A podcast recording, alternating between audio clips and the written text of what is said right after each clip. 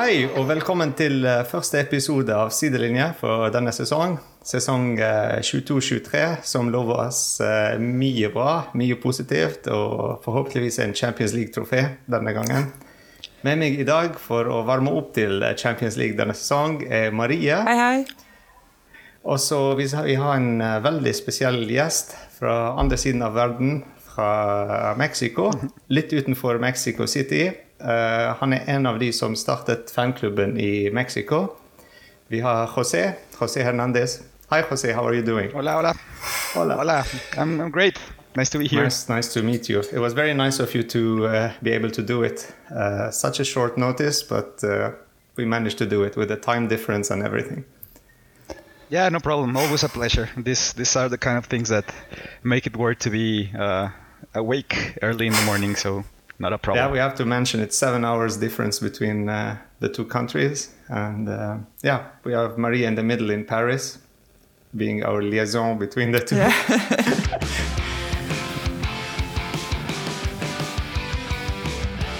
Tell us a bit about you, Jose.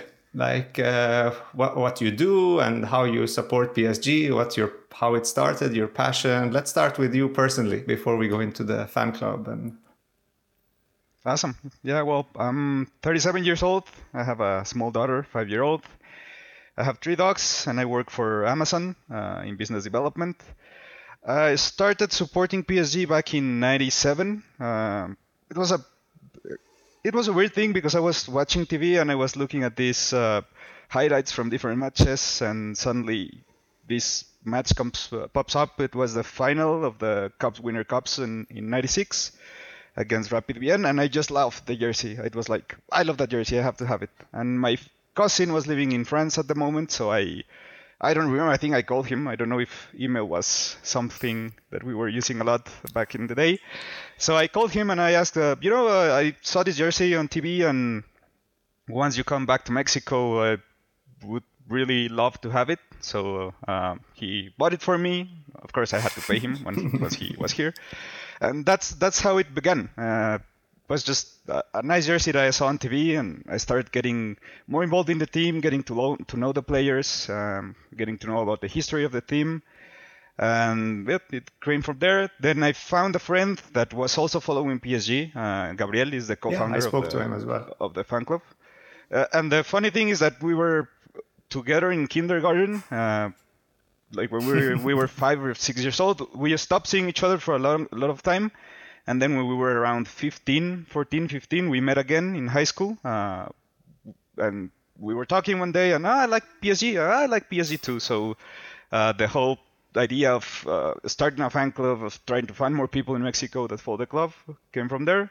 And well, that's how it happened. That's fantastic. Really nice story. And uh, it's amazing yeah. that uh, the match you watched was a really good match that made you want to follow them. So yeah, the, the next next year in, in '97, I I traveled to Europe with my parents, and I was 13.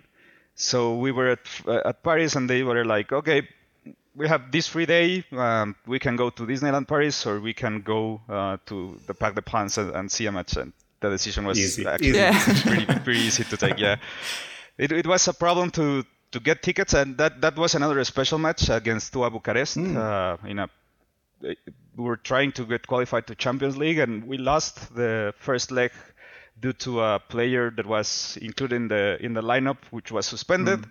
So we had to win uh, by a difference of, of four goals. We won 5-0, and that experience was really something that marked my Fantastic. my whole life. Like yeah, yeah the the um, the environment in, and the the ultras and all that uh, was something special. So, so who's your favorite player ever for PSG from the old days? I would say Rai. Rai. Um, yeah, he he took some time to adapt into the team, into the city, but once he he was uh, pretty adapted and he was playing his best football, I think uh, he's probably not the best technical uh, Brazilian number ten that we have, but I saw a lot of leadership qualities in him, and he really loved the con- the club. So uh, I think yeah, yeah, he left a really good impression. A really good impression. Yep. Yeah, so close to the team. He's uh, now connected to uh, Paris FC. He's going to be mm. working with them. Um, he wrote a really nice letter to the Paris Saint Germain fans saying that uh, I'm doing it because I love the city and stuff, and it's nothing against uh, Paris Saint Germain. it's uh, just business.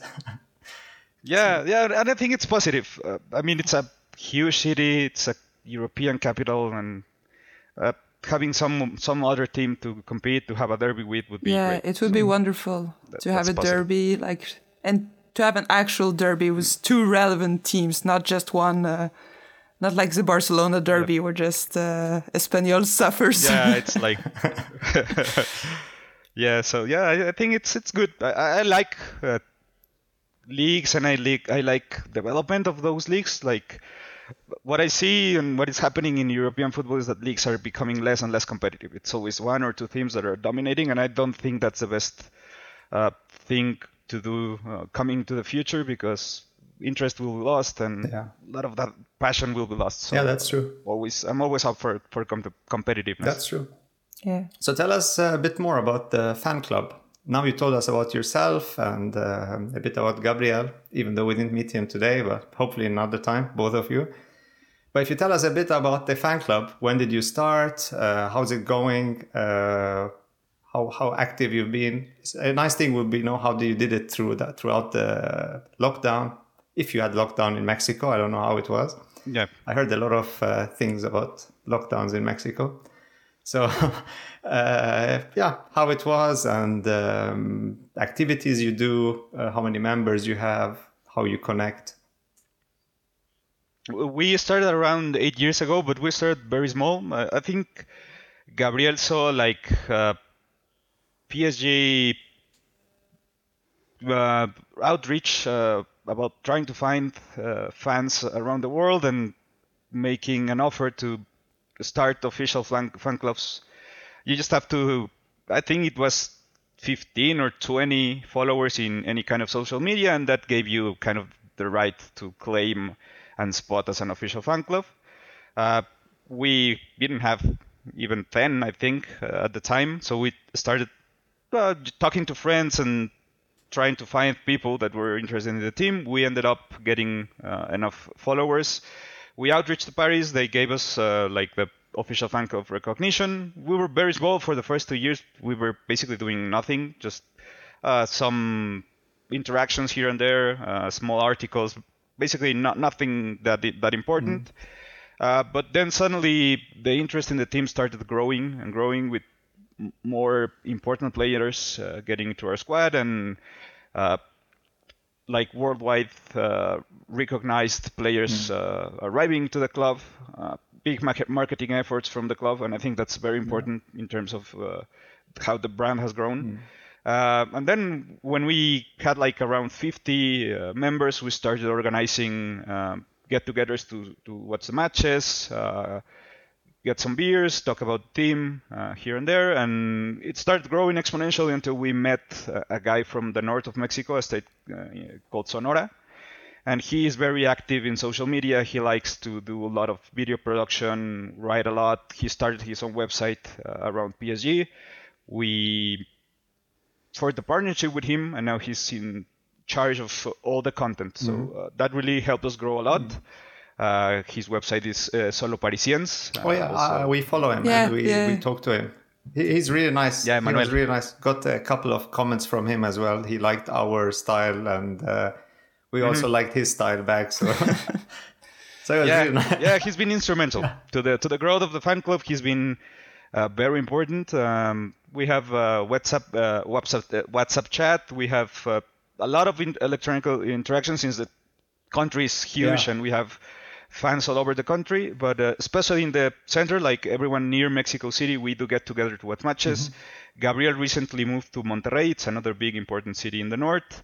He's starting his kind of own chapter there where he uh, organizes matches. We have a seven-a-side uh, football team, nice. which is a mixed team. We have uh, guys and girls playing together.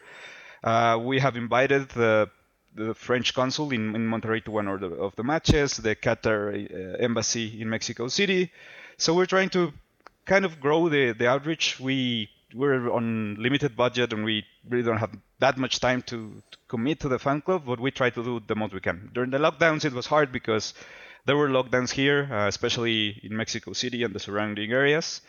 And we couldn't get together to watch matches. We couldn't do any in-person activities, but I think that's where uh, Manuel's participation in uh, starting the podcast, in doing all this social media strategy, it really helped to keep the community engaged. And well, uh, yeah, it's amazing. Your story is really nice. Uh, basically, any yep. fan club around the world listening to this would associate with what you're saying. Yeah. Starting small yeah. and, like you said, no budget and then it's all done by passion and sweat and blood.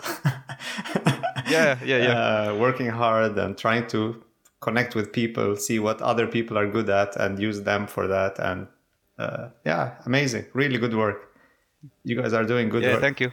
So yeah, we, we have around 200 members uh, as of now, and we recently ran a survey um, trying to understand a little bit more about the profile of the Mexican PSG fan. Mm-hmm and we had about a thousand responses. So hopefully we'll have more members soon.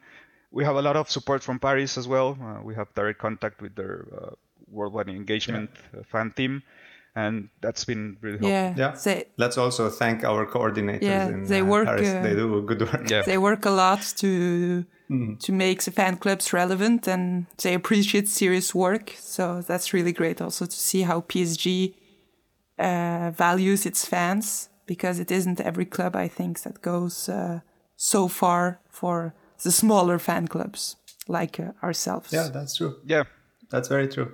Yeah, that's something very important. You, you yeah. just mentioned the um, questionnaire uh, thing you sent out. That really sparked a big light bulb in my head. I was thinking the same thing to do. So we have to talk about that off air. Yeah. And see how you guys did sure. yeah, yeah, sure. Look, any any help you you need. I mean, Fantastic. the idea here is to network and share best practices. I'm sure we can borrow a lot of uh, of your ideas too. Uh, yeah, let's so do that. That sounds a, great. We're a community, and and that, that's the idea. Yeah. Let's jump into serious stuff now. Yeah. Let's talk about last season yeah. with you. Um, let, let, well, let's not talk too much topic. about the past. Let's go into the future. let's take uh, one strong point from uh, last season that we could take with us to the next season, and one thing that we absolutely have to keep in the past and never bring it again ever. Mm, I think that that's that's a really hard thing uh, to think about because last season, in my perspective, was really bad.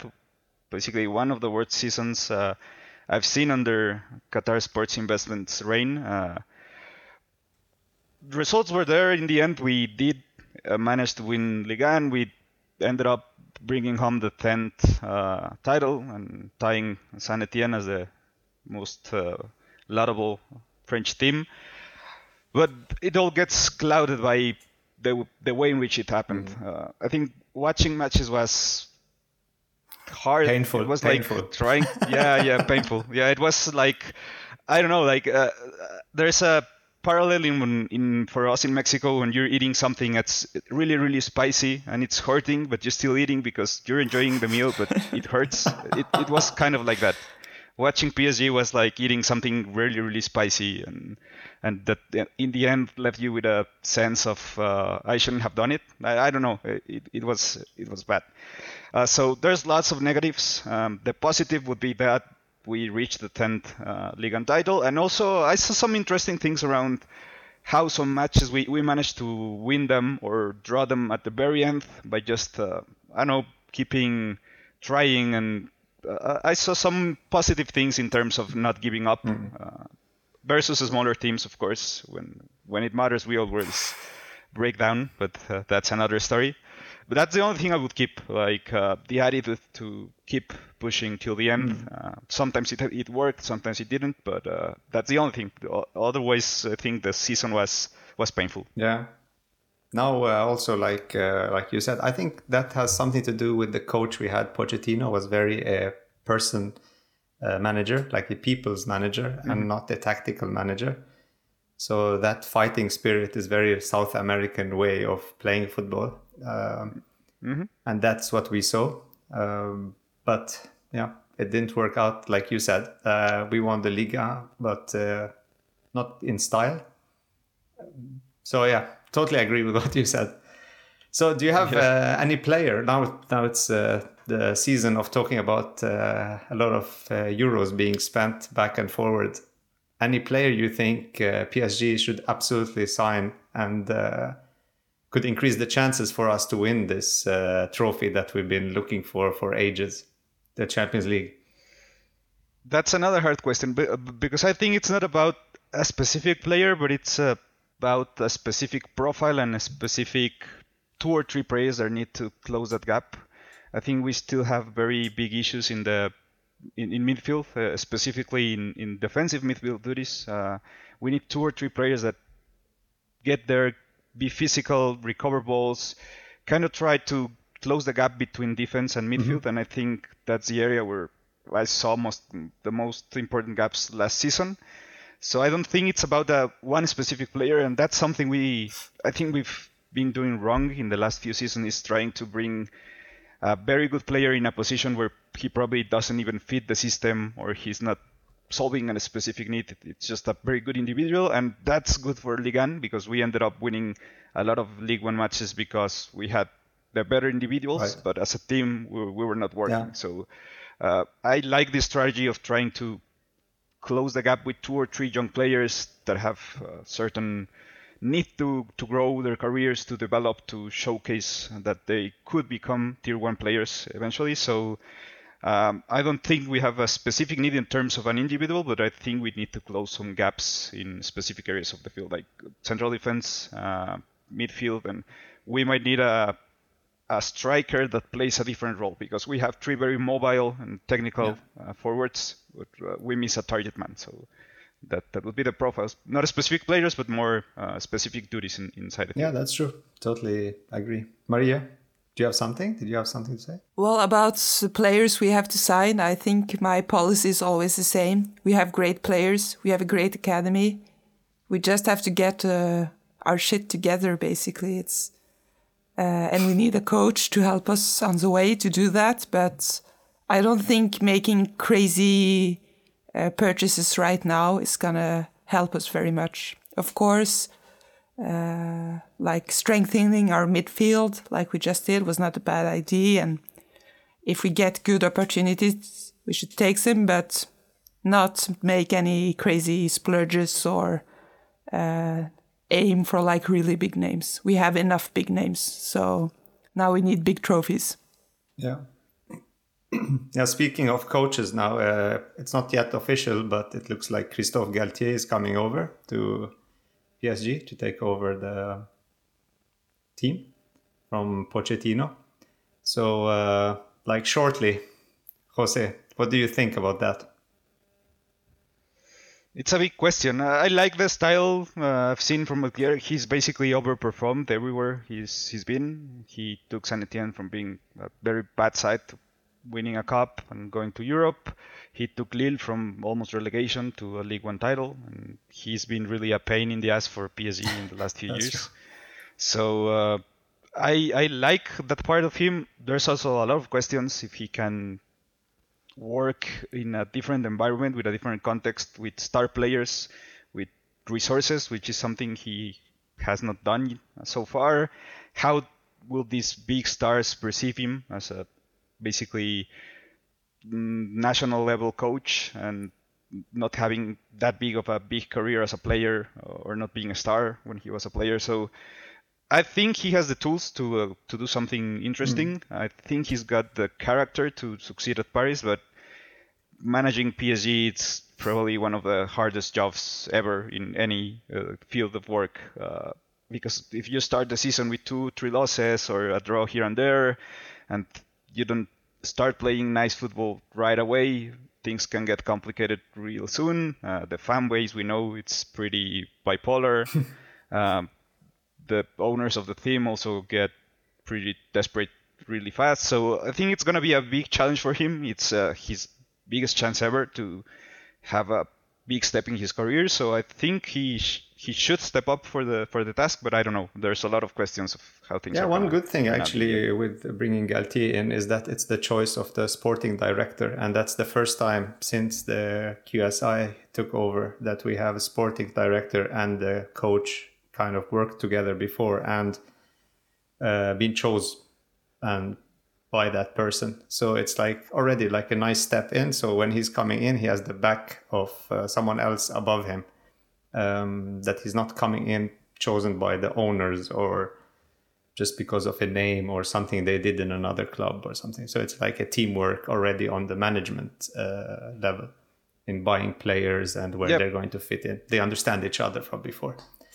So um, yeah, one last question. We have, I thought that's something we're going to start asking every fan club around the world. Any Mexican players we should know about that we could tell uh, Luis Campos about that that's a good player.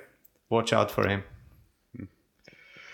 That's uh, another hard one. Lots of hard questions. I I would say that right now, I don't see any any Mexican player that could be performing at that level. Uh, there's there's some similarities as well between PSG and the home Mexican uh, Mexican team, and also the Mexican league. I think that there's very big gaps in terms of mentality in how Mexican players can perform in a, in a higher level. Uh, usually, you'll see and, and I think that's an issue with our league because we are one of the leagues that pays the highest wages in basically South Central America, and you see 17-year-old, 18-year-old players that break out into the first teams and start earning a lot of money, and they just don't care about their careers anymore. It's all about cars and vacation and go to, going out to clubs. I didn't know Icardi. I didn't know So I Icardi think and that- Kurzawa were Mexican. yeah, that's basically the profile. That's basically the profile you get from most Mexican players. So uh, that's an issue, and you'll see one one or two players here and there that actually overperform in our league, and they start getting good time and good play in the national team. But once they move to Europe, they completely break down. Like uh, the probably the best players we we have right now is Chucky Lozano, and he's doing poorly, if you ask me, in, in Europe. So. I don't see any player that would be interesting and that would be performing for PSG anytime soon. Honestly. Yeah, that's sad to hear, but hopefully one day Yeah. Yeah. that would be nice. I think let let's hope that they they grab a young one and they take they take them to this new uh youth. All right, thank you very much, uh, Jose. Yeah, thank you so much for participating in this podcast. It was a Yeah. pleasure to exchange and Get to know you and uh, get to know your fan club more, and hopefully we keep more in contact. Uh, best regards to Gabriel as well, and uh, thank you for everything. And uh, yeah, do you have anything you would like to add, or like anywhere people could find your fan club, or how to get to you, or Thank you. No, uh, it's it's been a pleasure for me. Thanks for having me. Um, I hope we stay together. We build a bigger community of worldwide PSG fans because it's needed. Uh, we get a lot of heat from basically everywhere, so uh, we have to be a united front. And you can find our fan club in social network, uh, Instagram, Twitter, Facebook as PSG Fan Club Mexico, and it would be interesting for to also follow Solo Parisiens in in Twitter and Facebook. Uh, that's our content uh, branch, if you will. Uh, we have a podcast. We have uh, interesting uh, articles every week. So uh, we'll be really happy to to have some new followers and have some new people to interact with. All right, thank you very much, and hopefully we see you one day in Paris watching a match together at the Parc des Princes. Yeah, let's let's do that. That's Yeah. definitely something we need to do. All right, thanks. Thanks. Det var José fra PSG Fanklubb Mexico. Eh, de jobber veldig bra, faktisk, eh, på um, å få inn eh, alle fans og lage sånn nettverk av fans. De har laget sånn fotballklubb, som han nevnte. Jeg, jeg ser de på Instagram, sånn veldig bra aktiviteter. Det var veldig kult å få snakket med dem, selv om det var sånn syv timers eh, forskjell. Så eh, ja, veldig bra. La oss gå videre til litt mer eh, seriøse ting her, Marie. Absolutt. Eh, Pochettino på vei ut, og Christophe Galtier på vei inn. Det er ikke 100% ennå, nå når vi snakker om det. Klokken kvart på seks på en lørdag. Eh, det er ikke offisielt 100 men nesten der. Ja. Så eh, Jeg tror det er et relativt godt valg. Altså, det er veldig vanskelig å si i forveien, fordi Pochettino virket jo for to år siden som et relativt godt valg, så, så det er veldig vanskelig å si. Men når du ser på hans track record, det han har gjort i, i franske klubber, eh, faktumet at han er godt kjent med, med Campos, så, så ser det ut til å, til å være et veldig realistisk valg. At Eh, vi vet det vi vil oppnå, og vi tror Galtier er eh, mannen som kan ta oss eh, til det målet. Så jeg vet ikke om du hadde en annen favoritt, eller om hva du føler om Galtier, men jeg ganske, føler meg ganske sikker på at han kan være en god coach. Ja, jeg tror at uh, altså, de som tar valgene på hvilken trener uh, skal inn og sånn, har mer oversikt og har mer informasjon enn det jeg og du og vi her har. Uh, så sant, de vet litt mer hva, de velger, og hvorfor de velger den personen. Og det du nevnte nå med at han har jobbet før med Campos, og det er Campos sitt valg Han absolutt vil ikke ha Zidane. Um, og vil ha uh, Galtier i stedet for. Uh, det er en sånn veldig sunn måte å gjøre ting på, hvor de jobber sammen. Uh, de kjenner hverandre, du skal jobbe sammen. og når, når f.eks.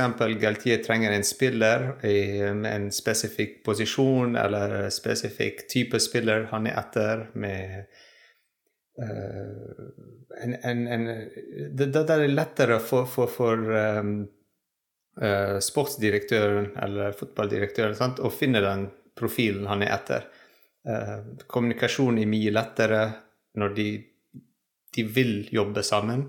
Og når jeg sa 'vil jobbe sammen', og det er en annen ting sant? Uh, At Geltier han absolutt vil jobbe for PSG.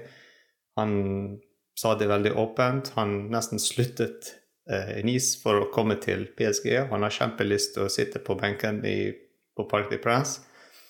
Um, mens Zidane var litt vanskelig.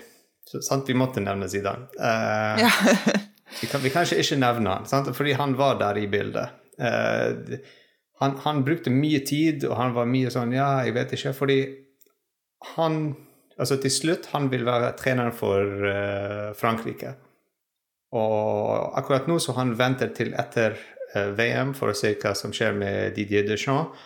Um, og så ta det valget om han skal gå inn og ta uh, franske landslaget. Så, så, bare det sant, at, at, en som vil, absolutt vil jobbe for PSG, vil være trener for PSG, uh, eh, vil ta ansvaret, uh, og du har en sportsdirektør som har kjempelyst til å få han inn, og det er hans første valg. Så det er sånn bra allerede, sånn kjemien er der. Ja, jeg... Det er sånn på den positive ting av, av alt. Altså, når du ser på negative ting For jeg har hørt så mange podkast om det av ekspert, fotballeksperter. Uh, jeg vet ikke hva det betyr, men fotballeksperter. Folk som ser fotball mye uh, og har meninger om fotball. Men sant uh, de, de, de, de, begynner å snakke om hans taktiske valg og sånn, at han bare spiller 4-4-2. Um, så det er litt vanskelig å få den inn i PSG sitt system med de spillene vi har. Uh, om han har aldri vært en trener eller manager for store spillere som Neymar og uh, Messi, MBP, Veratti sant? Og store navn.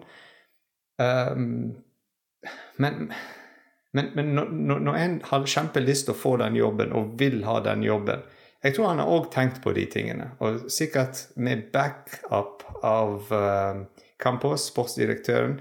Da er det to som skal styre laget, så det er ikke bare han. Um, så han har noen bak han. Så det er ikke sånn at, uh, som vi hadde forrige sesong, at Leonardo og Nasir bare gikk sånn amok og bare kjøpte fem spillere som Pochettino visste ikke om, og så han måtte bare jobbe med dem. Men, men nå det er sånn dialog, det er, det er, bedre kommunikasjon mellom de to på toppen. Sant? Eh, ja, og jeg, jeg, jeg føler faktisk at et stort tema i PSG er finner vi en coach som kan kontrollere disse store personlighetene. Men jeg føler de er voksne mennesker. De, de burde klare å kontrollere seg selv til en viss grad. Altså, igjen, det er noe ingen andre kan si i sin jobb, og jeg oppfører meg skikkelig dårlig i jobben fordi sjefen ikke kan kontrollere meg. Det, det kommer et punkt hvor du må som et lag kollektivt si vil vi vinne noe? Ok, da må vi fungere som en blokk, liksom. Vi må fungere sammen under en mm. coach. Og det er ikke fordi vi blir holdt av coachen som gale hunder, ikke sant, men fordi vi vi vil gå i samme retning.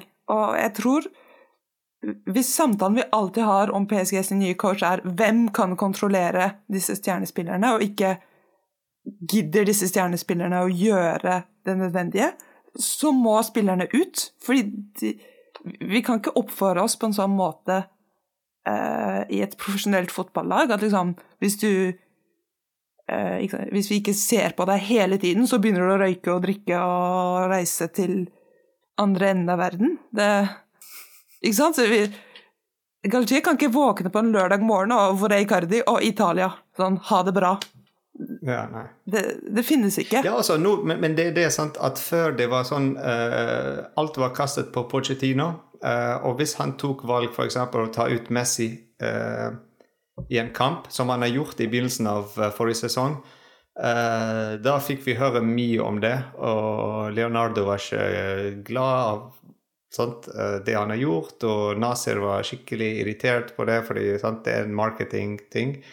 Um, men nå så, sant, det, det, er ikke bare trenerens valg, men han har en sånn backup av noen over han òg, som sier til han nei, gjør din jobb. Altså, ikke tenk på konsekvensene. Jeg tar ansvar for det. Jeg fikser det. Bare tenk på banen, bare tenk treningene, bare tenk eh, sant, Start 11, hvem skal spille, hvorfor spiller vi den formasjonen? Bare tenk på de tekniske ting. Jeg styrer på de andre ting. Den, de bullshit-ting for en trener å gjøre. Uh, jeg tar ansvar der. Uh, ikke minst å kjøpe og selge spillere, så han er en av de beste i verden, kanskje, uh, til å selge spillere spesielt. Så han jobber nå hardt og blir kvitt noen spillere som PSG ønsker ikke lenger i, i troppen. Med å snakke om uh, spillere som ikke ønsket lenger i uh, PSG. Det var en ting som skjedde forrige uke faktisk i pressen. Uh, at det var en intervju med Nasser El-Khelaifi. Og han ble spurt om Neymar, om han fortsatt er i planer til denne sesongen og fremtiden av PSG. og han svarte ikke rett frem. Han sa ikke ja eller nei. Han uh, snakket litt om uh, alle spillere ønsket av de vi har, så lenge de gir en innsats og uh, jobber hardt for plassen sitt på laget. Og, og, media selvfølgelig tok den og vridde den og twistet den og så på det han sa opp ned og sidelengs og klarte å kom opp med teori at uh, Neymar er på vei ut fra PSG. Og alle andre medier rundt verden plukket det og begynte å skrive at Neymar er på vei til Newcastle i begynnelsen. og så til uh, Chelsea, fordi Tiago Silva jobber hardt til å få han med seg der. Um, og Juventus med Di Maria der. og sant, altså, Det var sånn kaos. Uh, og jeg er en person, en PSG-fan som liker ikke sånne nyheter. Det var bortkastet tid for meg til noe offisielt og kommer fra en offisielt uh, source. Så det er ingen kilde. Så det er ingen uh, vits å Men det er alltid gøy å snakke om de tingene. Så la oss si Neymar. hvis han er på laget til neste sesong, ser du at han kommer til å ta med seg noe positivt fra Forrige sesong, f.eks. For de siste kampene han spilte, var relativt bra. Eh, jeg tror han kommer til å fortsette på den måten resten av sesongen. Eh, ikke minst fordi det er en VM som kommer eh, i november, så han vil jobbe hardt til å komme i form og spille bra for Brasil i VM. Eller kommer han til å ta samme Neymar som de siste fem årene, som har spilt nesten 50 av kampene sine. Eh. Jeg, jeg, tror Nasser har eh, Eller det han mente med den kommentaren, var ingen kommer til å komme seg gratis unna denne sesongen. Det, hvis du spiller bra, så spiller du bra, og vi vil ha deg med. Men hvis du ikke spiller bra, så kommer det til å være en smertefull sesong for alle parter. Det, det, det kan ikke være sånn som det har vært før, at vi lar deg på en måte leve et rolig liv. Det, og mange kritiserer det Zidane gjorde mot uh, Bale, at han var veldig sterk uh, uh, Gikk veldig sterkt imot Streng, Bale. Og, ja. ja og, og, veldig offentlig og var veldig mm. veldig voldsom, men jeg tror det er det PSG må, må gjøre med noen spillere.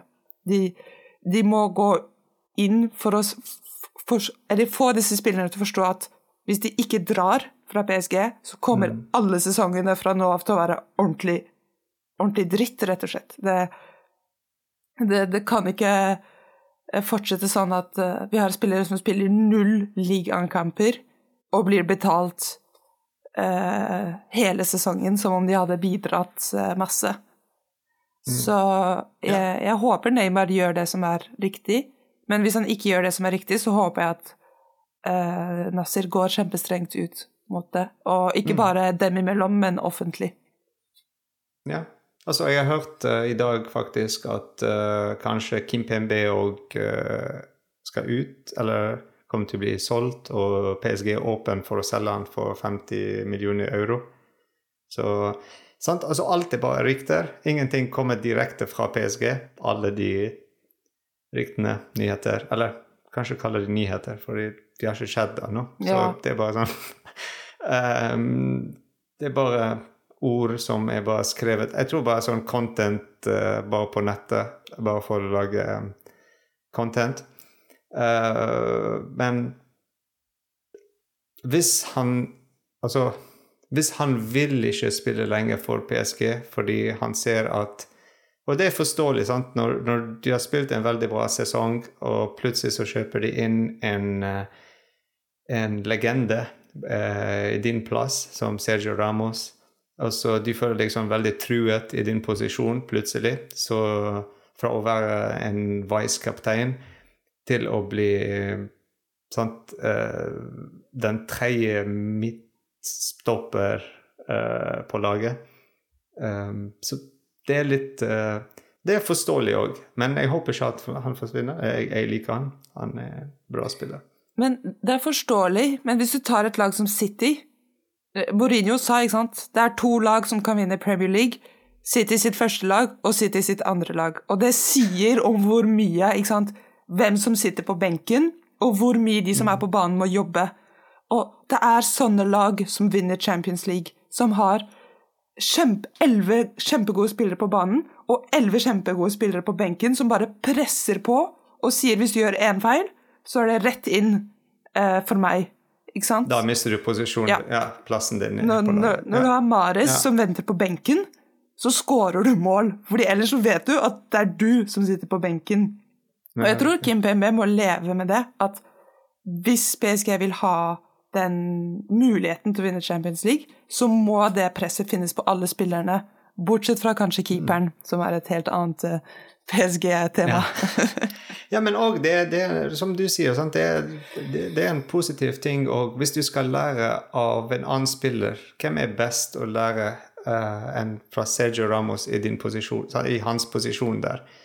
Uh, og Sergio Ramos skal ikke være der veldig lenge heller, så det er bare å, å, bruke den tiden til å bli bedre og lære av han og jobbe med han, spille med han. Uh, og ja, det er òg en annen måte, en mer positiv måte å se på det. Så ja. Altså, med å snakke om uh, backup um, PSG har signert uh, Vitinia fra Portugal, fra Porto. Um, han òg uh, er en profil som er nesten som en Verratti, som er litt mer offensiv. Um, jeg har ikke sett han spille veldig mye, men uh, jeg har hørt mange uh, eh, hvor de diskuterte han, og jeg så litt sånn klips på L'Equipe hvor de visste hva han er god på, hans svakheter og sånne ting. Og det er alle ekspertene og en som kommenterer uh, um, lig ligaen snakket litt om han, at han er en Verratti-type spiller.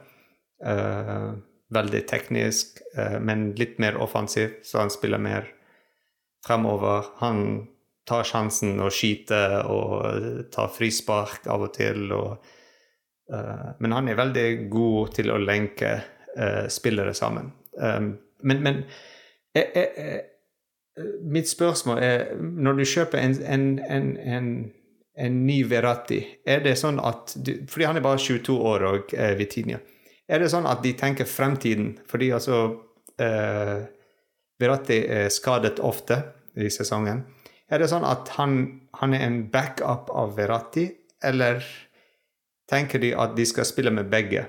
Fordi, fordi jeg, måten jeg ser det, av det de har forklart om Vitinia, og det de har snakket om Vitinia Han vil ikke passe veldig bra sammen med Verratti i det laget vi har nå.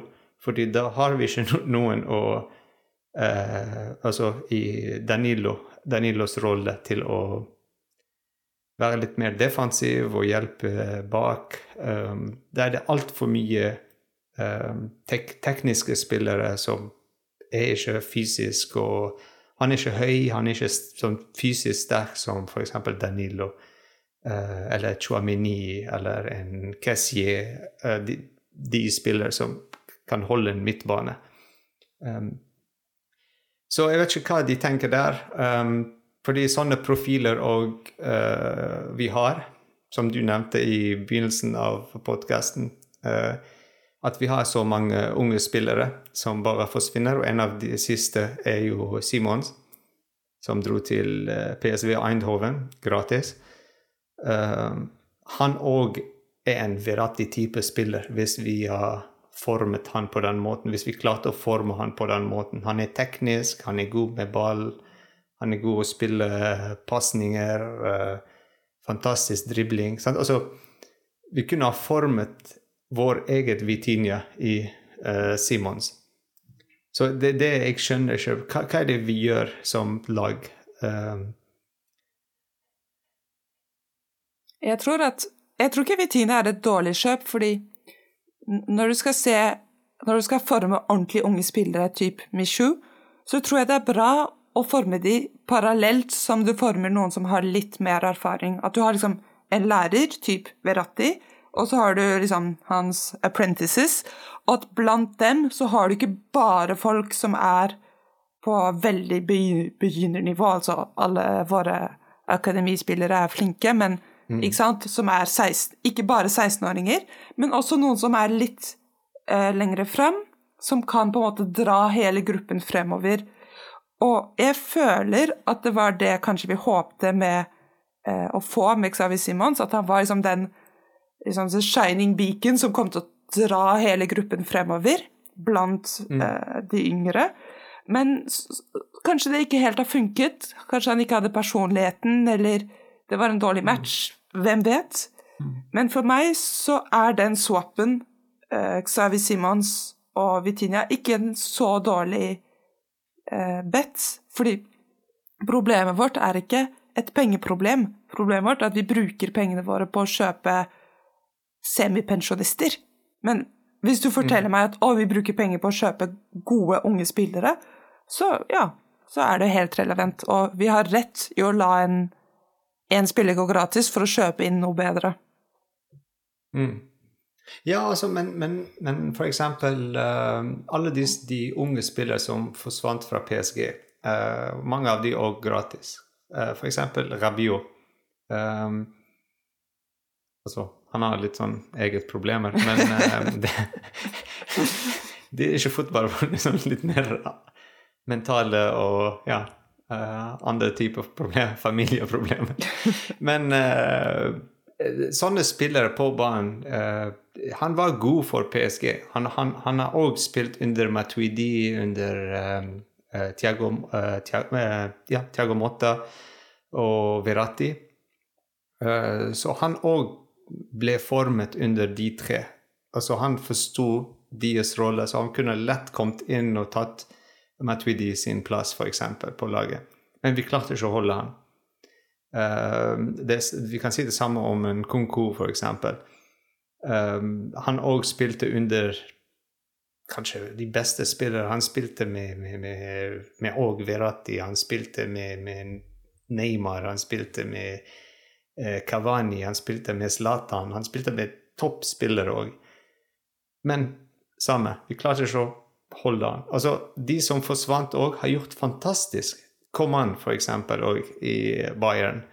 Han òg forsvant til Bayern. Han gjør fantastisk for Bayern. Kunku gjør fantastisk for Leipzig. Uh, alle de. sant? Uh, ja, Rabiot litt i Juventus. Men òg når de spiller i Champions League, også, de spiller veldig bra. Altså, sant? Uh, så vi mister de spillerne. Altså, jeg håper, jeg håper, det går bra for Simons òg i PSV Eindhoven. At han gjør det veldig bra. Men jeg vil ikke se at når de forsvinner fra PSG, da gjør de en superbra jobb. Når de får sjansen til å vise seg, til, når de gir de ansvar i sin posisjon og gir de litt mer enn bare en backup-rolle. Um, Fordi altså, Simons er ikke ung lenger, altså sånn superung lenger. Uh, han har vært med PSG nå veldig lenge, eller til to dager siden. Uh, veldig lenge. Uh, og vi klarte ikke å, få han til å uh, komme inn på laget under mange managere òg. Så jeg vet ikke hvor problemet ligger der. Uh, Kalimuendo, f.eks., kommer tilbake denne sesongen fra Lance. Er det noe som de tenker på? Altså, har de tenkt på det? At vi har nå en spiss som kan være der, kan uh, pushe litt Icardi. Sant? Kanskje det òg kan gjøre at Icardi comeback men, men, tenker de på det? Eller tenker de at han er ung og, så, og får ikke så mange mål? Ikke, han er ikke sånn en topprofil. Vi kommer ikke til å selge drakter med Kalimuendo på ryggen. Uh, vi trenger ikke sånn profil. Jeg tror det har vært et ordentlig mentalitetsskifte i PSG, og jeg tror de har lært av alle disse eksemplene ikke sant, du nevner. Og og det jeg tror med Xavi Simons, er rett og slett at, at de så på de unge spillerne vi hadde i midtbanen, og at de følte at de hadde bedre valg enn Xavi Simons, rett og slett. Jeg tror det var det som var kanskje en litt triste konklusjon for Xavi Simons, men når, når, du ser hvor han har signert han, han har ikke signert for eh, Real Madrid det, det var Chouameni som gjorde Han har ikke signert for City, eller han har signert for PSV, som gir han mm. spilletid, og ikke er en dårlig deal. Men jeg, jeg føler det er en litt annen historie enn f.eks. Coman, som signerte i Juventus, ikke sant? et kjempe, et, sånn, kjempestort fotballhus i Italia. Ja. Det er mm. ikke helt det samme, og jeg føler kanskje det viser litt at uh, Xavi Simons ikke var Ja, hvor han ligger i markedet, på en måte. Ja, ja. ja ikke sant? Uh, ikke sant? Mm. Han er, er, gratis, og så, så, så, alle burde ville hoppe på denne anledningen, ikke sant? Mm. Uh, ja. Har sikkert ikke en kjempehøy lønn fordi han er så ung. Og, og, bare PSV, ikke sant? Det var ikke engang en kamp. Du, du, du leste ingenting i pressen sånn Å ja, disse, spiller, disse klubbene Mm. Eh, kjempes, nei, bare rett til PSV. Mm. Så jeg føler det sier litt om hans faktiske nivå. Du kan tenke deg om mm. Pedri kom gratis inn på markedet. Jeg tror det hadde vært kamper til døden, sånn fysisk sett, ja. på gaten. og, ja, og vi Simons ingenting. Det, det sier mm. noe, uh, og det er et problem, rett og slett. Mm. Yes, og så PSG skal spille tre uh, kamper i Japan. Uh, eh, 7. juli og 23. juli og 25. juli. Veldig, kamper veldig tette, rett etter hverandre. Og alle er spilt uh, klokken 12 og 12.30. Uh, 12.30, 12 og 12. de spiller mot Kawasaki Frontale, Urawa Red Diamonds og Gamba og Saka.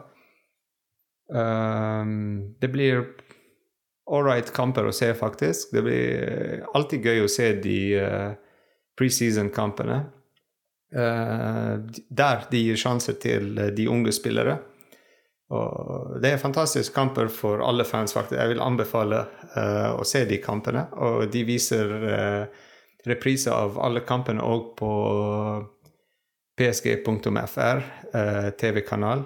Um, og der Det er veldig kult hvis dere har lyst til å se de unge spillere og under 19 spillere som uh, Vi får ikke sjanse alltid til å se de spille live, så det er alltid gøy å følge de kampene. Eller jeg vet ikke hvordan det blir denne sesong, men uh, forrige sesong i hvert fall så vi så Mishu, vi så Simons uh, spiller nesten hver eneste kamp. Uh, vi så Rerbi, vi så uh, alle de unge spiller Bichiabu. De spilte altså ved siden av Hakimi, og de spilte med Icardi fremme. Så det var en bra kombinasjon av spillere. og til og med Kurzawa spilte en kamp uh, forrige sesong. Hvem skulle trodd? ja, sant. du ser rare ting. Så ja. Uh, det var Så ja, det var alt for uh, den episoden av Sidelinje. Jeg ja. håper dere likte den episoden, og Neste episode blir i august av Sidelinje. Og vi skal ha kanskje en spesialgjest. Vi jobber med saken. Og takk til alle som uh, følger oss og har blitt medlem av Viking Parisien. Og jeg vil bare minne alle at vi har nå en webside som er psgnorway.no, eller psgnorge.no, så dere kommer til samme sted. Um, og der dere kan uh, få mer informasjon, hvordan bli medlemmer, hvordan søke for billetter og være med på fellesturer. Altså, ja, jeg må nevne fellesturene. Uh, vi fikk uh, sjanse, vi er veldig hel heldige, til å få sjansen til å se to av PSGs beste kamper på hjemmebane. Første kamp på hjemmebane hvor, hvor de introduserer alle de nye signeringer, og det er en sånn minifest før kampen. Og uh, siste kamp i sesongen i juni uh, mot Clermont, uh, hvor alltid det er sånn stor fest og fyrverkeri og løfte pokaler hvis vi vinner noen pokaler denne sesong. Håpeligvis store pokaler. en som er fin og stor og grå, som vi har lyst på. Så ja, så det var å følge oss og melde dere på fellesturen. Det blir kjempegøy. Mange aktiviteter, og alt står der på websiden. Eller bare ta kontakt med oss, så vil gjerne svare dere på spørsmålene og alt. Så ja. Tusen takk, Marie, for ja, en fantastisk eh, podkast. Første i sesongen. I CC. Paris! Accélération de Ronaldinho, Jérôme Leroy, Ronaldinho qui va essayer de passer, il a éliminé Kwasi, Ronaldinho toujours à l'entrée de la surface, Ronaldinho oh, encore Oh c'est beau Quel but exceptionnel réussi là par le Brésilien champion du monde du Paris Saint-Germain, Ronaldinho. 1-0 pour le PSG, ça n'est pas du talent collectif là, c'est vraiment